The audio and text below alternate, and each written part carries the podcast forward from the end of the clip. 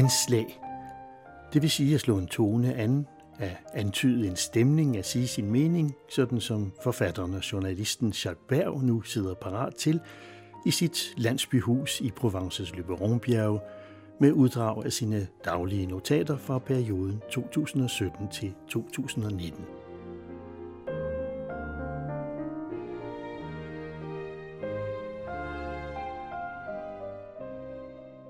Daniel Cohen, økonom og forfatter, professor på École Normale Supérieure, udsender et værk betitlet Febrilsk krønike om en forandring, der bekymrer.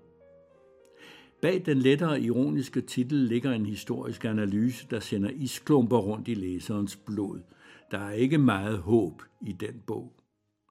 Vi er nemlig ved at blive opslugt af det digitale samfund efter en nogle århundreder at have glemt landbruget, forladt industrien og nusset rundt i det postindustrielle. Cohen omskriver økonomen Jean Fourastiers sætning, mennesket har til at begynde med arbejdet med jorden, derefter med materien, nu er vi blot serviceydere. Som en stikpille glider nutidsmennesket bagfra ind i algoritmekroppen – den som kunstig intelligens har fabrikeret for os. Hverdagen robotiseres, og algoritmernes støbeform sætter gang i væksten på bekostning af menneskeligheden. Problemet er umenneskeliggørelsen, deshumanisation, et samfund uden sjæl. Skældsordet er vækst, som i vores dag ikke producerer noget konkret, noget man kan røre ved, Intet af det, der før i tiden kunne få os til at føle stolthed over, hvad vi nu kunne frembringe. Vi er nemlig alle blevet frisører og sosuer. Den økonomiske vækst er baseret på gentagelsen, på lapperiet eller udbedringen af en vare, der ikke kan oplagres, mens forbrugsvarer fremstilles af robotterne. Vi har en vækst, der ikke længere omfatter personer, sådan som forne tiders arbejde gjorde. En vækst, der nedbryder samfundet, hvor folk ikke længere føler, at de tilhører noget, der er større end dem selv. Vi sidder jo alle sammen med mobilen. Det skal nok passe, at man først skal udskille og beskrive problemerne, og derefter bliver en bog som Koans simpelthen nødvendig.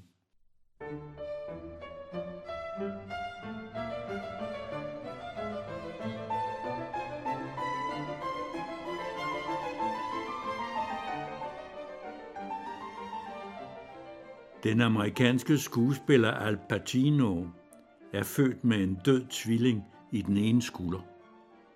En skam, at barnet ikke levede, det ville have haft alle tiders Godfather.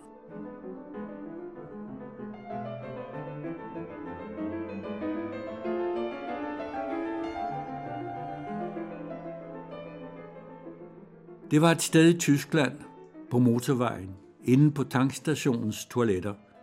Udsmykningen slog mig. De gråhvide flisevægge bar overalt spor af lort. Efter nogen tøven rørte jeg ved sporene, og nej, fliserne var malet sådan. Det var ikke nogen syg kakafils værk. Den evigt undrende jeg er, gav sig straks til at fundere, og den lige så evigt tyskervenlige Streigroschen reaktion var der også. De har sgu da heller ingen smag, de tyskere. Ved nærmere eftertanke, og ved at appellere til et mindste mål af god vilje, forsøgte jeg at glemme en vis vrede og bitterhed af historisk art, og nåede frem til, at disse tyskere måske i grunden var ret smarte. De havde da med vilje udsmykket deres lokummer med noget, der lignede smurt lort, og som man umiddelbart ville tillægge en sindsforstyrret person, for således at afholde folk fra at lave de offentlige toiletter om til redselskabinetter.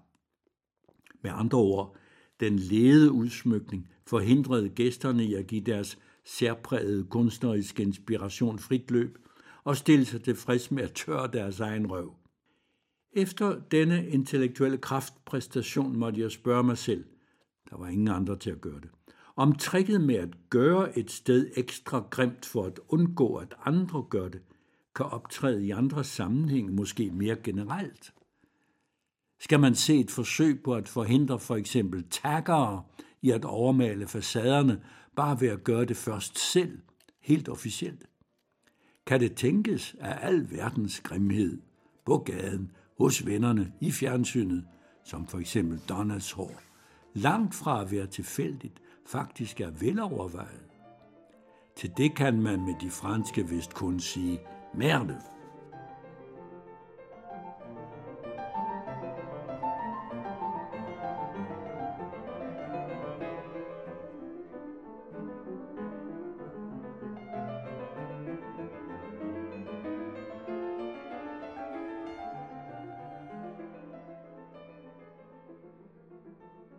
Magten skal begrænse magten, sagde Montesquieu. Efter general de Gaulle's død bebrejdede Pierre Mendes France ham i en i øvrigt venlig nekrolog, at han under sit lange styre havde forsømt at hjælpe Frankrig til at blive lidt mere demokratisk. Med den magt, han som republikansk monark havde haft, havde det været hans pligt over for fædrelandet, når først Algerkrigen var afsluttet, at lede franskmændene hen mod et politisk system for voksne mennesker. Men kan magten gøre andet end at samle mere magt? Den femte republiks historie synes at svare nej. François Mitterrand, der til at begynde med var en hård kritiker af præsidentstyret, i sin bog Le coup d'état permanent, det permanente statskup fra 1964, sagde han klart fra, han fik senere et mere positivt forhold til den gaullistiske forfatning, nemlig da han selv var blevet præsident i 1981. Hans halvhjertede forsøg på at reformere parlamentet og gøre det mere repræsentativt, bedre væbnet til at modstå statslederens magt, blev hurtigt opgivet. Nu er en neogolistisk Jupiter omgivet af sine unge tyrkere blevet præsident. Han har meget tydeligt givet udtryk for, at styret skal vertikaliseres under en topfigur, ham selv selvfølgelig. Dermed synes en mere afbalanceret magtfordeling i Frankrig på ny at være udsat på ubestemt tid. Den unge præsident udfordrer selvsikkert dem, der har noget at bebrejde styret i forbindelse med den rødne Benalla-sag, en af Élysée-palæets præsidenten nære sikkerhedsfolk har spillet med musklerne. De kan bare komme og hente ham, siger Macron. Episoden illustrerer til fulde den igangværende centralisering af et allerede overcentraliseret regeringssystem.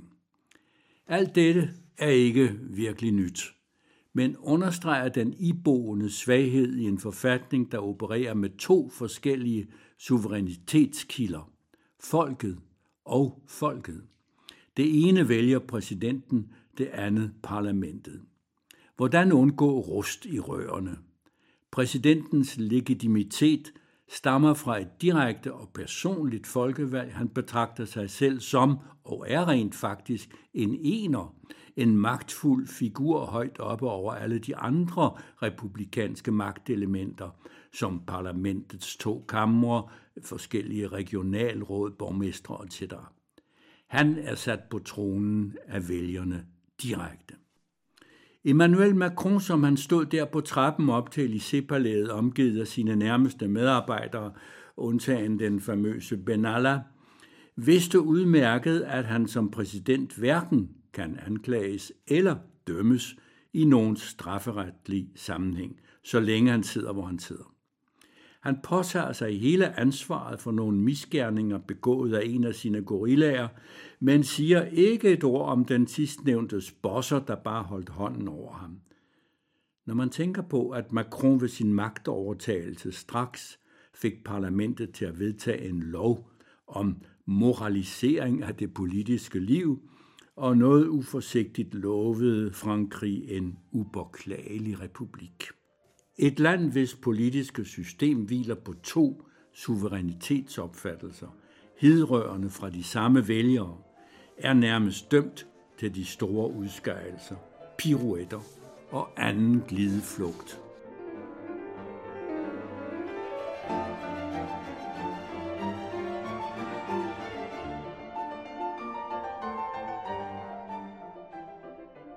Det er efter Brexit, at vanskelighederne melder sig.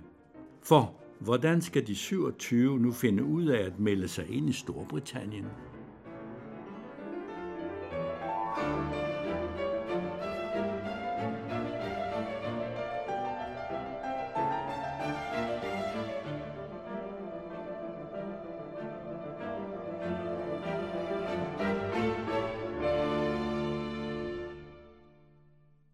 Og så, kære Jesper, sætter vi punktum.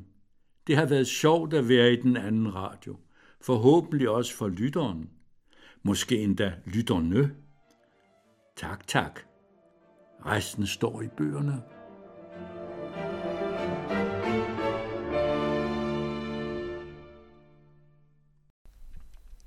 Det er Jesper Tang, der tilrettelægger anslag, og musikken var uddrag af tre klaverkoncerter Johann Sebastian Bach, spillet af pianisterne David Frey, Jacques Rouvier, Emmanuel Christian og Audrey Vigoureux, med stryger for Capitol Orkestret i Toulouse.